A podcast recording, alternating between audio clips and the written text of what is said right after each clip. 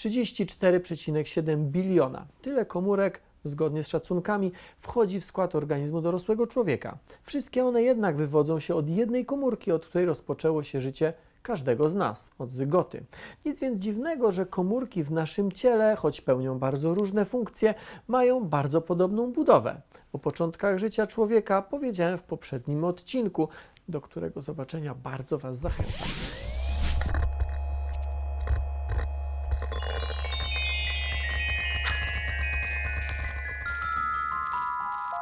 To, co sprawia, że komórka jest komórką, a nie rozlaną kroplą związków chemicznych, jest przede wszystkim błona komórkowa.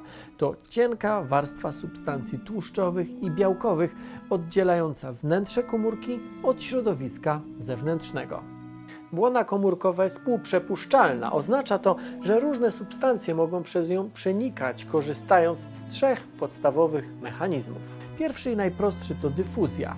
Niewielkie cząsteczki, takie jak woda, tlen czy dwutlenek węgla, samodzielnie przenikają przez błonę, by wyrównać stężenia po obu jej stronach. Drugi mechanizm to dyfuzja ułatwiona, w której biorą udział kanały białkowe w błonie komórkowej. Trochę przypominają obrotowe drzwi w hotelach czy urzędach. Przechodzą przez nie samodzielnie większe cząsteczki, takie jak na przykład glukoza. Trzeci mechanizm to transport aktywny, w którym biorą udział kanały, ale niezbędne jest do tego użycie energii przez komórkę. W ten sposób transportowane są jony wapnia, potasu czy sodu, co ma kluczowe znaczenie dla działania m.in. komórek nerwowych. Wnętrze komórki wypełnia cytoplazma, czyli półpłynna, przypominająca żel substancja i to w niej zawieszone są elementy składowe komórki zwane organellami. Najważniejszą z nich jest jądro komórkowe. Znajduje się w nim DNA. Jego nici są zwinięte i tworzą oddzielne chromosomy. Od materiału genetycznego zależy funkcjonowanie komórki. DNA zawiera informacje pozwalające na wytwarzanie przez komórkę różnych rodzajów białek niezbędnych do jej funkcjonowania. Można ją uznać za bibliotekę czy bazę danych komórki. Jądro zawiera każda komórka organizmu, przynajmniej do pewnego momentu. Wyjątkiem są tutaj erytrocyty. Jądro komórkowe otacza błona jądrowa, a komunikację z resztą komórki zapewniają znajdujące się w niej niewielkie otworki, czyli pory jądrowe. W jądrze znajduje się obszar, w którym odbywa się synteza kwasu RNA. Przepis na konkretne białko jest przenoszony z jądra właśnie za pomocą cząsteczki RNA. RNA z informacją, jak dane białko ma wyglądać, trafia do komórkowej fabryki białek, czyli do rybosomu. Tam, zgodnie z otrzymaną instrukcją, powstaje łańcuch złożony z aminokwasów, czyli podstawowych elementów składowych białek. Taki łańcuch to najczęściej jednak tylko półprodukt. Aby powstało z niego odpowiednio działające białko, musi on przejść jeszcze dalszą obróbkę chemiczną. Dokonuje się ona w aparacie Golgiego. Potem, jak w każdej innej fabryce, produkt musi być spakowany i wysłany do zamawiającego. Białka są więc umieszczane wewnątrz komórkowych pęcherzykach. Dzięki nim mogą trafić tam, gdzie akurat są potrzebne. Mogą też zostać przetransportowane do błony komórkowej i uwolnione na zewnątrz komórki. Tak dzieje się na przykład w przypadku hormonów białkowych, takich jak insulina. Produkowane w rybosomach i aparacie Golgiego białka są podstawą działania komórki. Tutaj powstają elementy konstrukcyjne komórki, ale także elementy funkcjonalne, takie jak enzymy, które potem sterują różnymi reakcjami chemicznymi. Zachodzące w komórce procesy wymagają zużycia energii biologicznej. Produkują ją mitochondria, dlatego często nazywane są komórkowymi elektrowniami. My uzyskujemy energię z pożywienia, które rozkładane jest w czasie trawienia na podstawowe cegiełki, takie jak glukoza czy kwasy tłuszczowe. Jednak komórki nie potrafią z nich skorzystać bezpośrednio.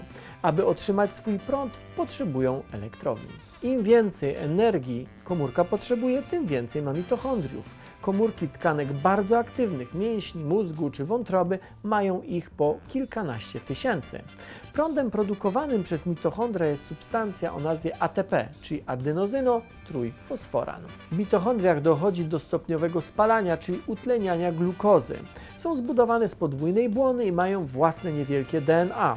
Budową przypominają bakterie i zdaniem naukowców kiedyś rzeczywiście nimi były. Potem jednak połączyły się z pradawnymi komórkami i od tamtej pory istnieją wyłącznie w ich wnętrzu. Każdy z nas dziedziczy mitochondria wyłącznie po matce, ponieważ znajdują się one w komórce jajowej, a te z plemnika nie wnikają do zygoty. Mitochondria produkują energię, ale jednocześnie, tak jak nasze elektrownie na paliwa kopalne, emitują zanieczyszczenia, czyli wolne rodniki. To związki, które uszkadzają różne części komórki, w tym same mitochondria, które przez to stają się jeszcze mniej szczelne, czyli uwalniają więcej wolnych rodników i tak koło się zamyka. Im starsza jest komórka, tym gorzej funkcjonują jej elektrownie. Naukowcy podejrzewają, że to zużycie mitochondriów może odpowiadać za fakt, że człowiek nie może przeżyć więcej niż około 120 lat. Ponieważ jesteśmy organizmami wielokomórkowymi, nasze ciała zawierają wiele różnych odmian komórek. Rzadko która z nich jest samotną wyspą. Większość ściśle współpracuje z sobą, tworząc skupiska zwane tkankami. Z tkanek zaś zbudowane są wszystkie nasze narządy. Tkanki nabłonkowe zbudowane są najczęściej ze spłaszczonych, mocno do siebie przylegających komórek. Odgradzają wnętrze naszego organizmu od środowiska zewnętrznego i produkują substancje takie jak pot, ślina, mleko, a nawet komórki rozrodcze. Komórki tkanki mięśniowej zawierają włókienka mięśniowe. To podłużne struktury zbudowane z leżących obok siebie długich cząsteczek białek. Kiedy komórka mięśniowa dostaje sygnał do skurczu, zużywa energię z ATP na zmianę położenia tych białek względem siebie. Z kolei tkanki łączne spajają nasze narządy, chronią je i nadają im kształt. Krew też jest tkanką łączną. Z kolei tkanki podporowe są sztywniejsze i trwalsze niż inne. Zaliczamy do nich na przykład tkankę chrzęstną. Specyficznym rodzajem tkanki łącznej jest tkanka tłuszczowa. Jej komórki magazynują w swojej cytoplazmie ogromne w skali komórkowej krople związków lipidowych, czyli tłuszczu. Są one niczym innym niż spiżarnią czy magazynem energii dla organizmu. No i ostatnia tkanka nerwowa. Zbudowana jest z komórek mających długie wypustki.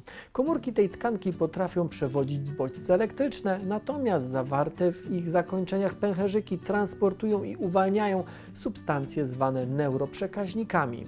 Jeśli chcecie dowiedzieć się więcej na ten temat, polecam odcinek o układzie nerwowym. Nauka to lubię na Facebooku i YouTubie. Cykl Jak działa człowiek powstaje we współpracy z Łódzkim Uniwersytetem Medycznym.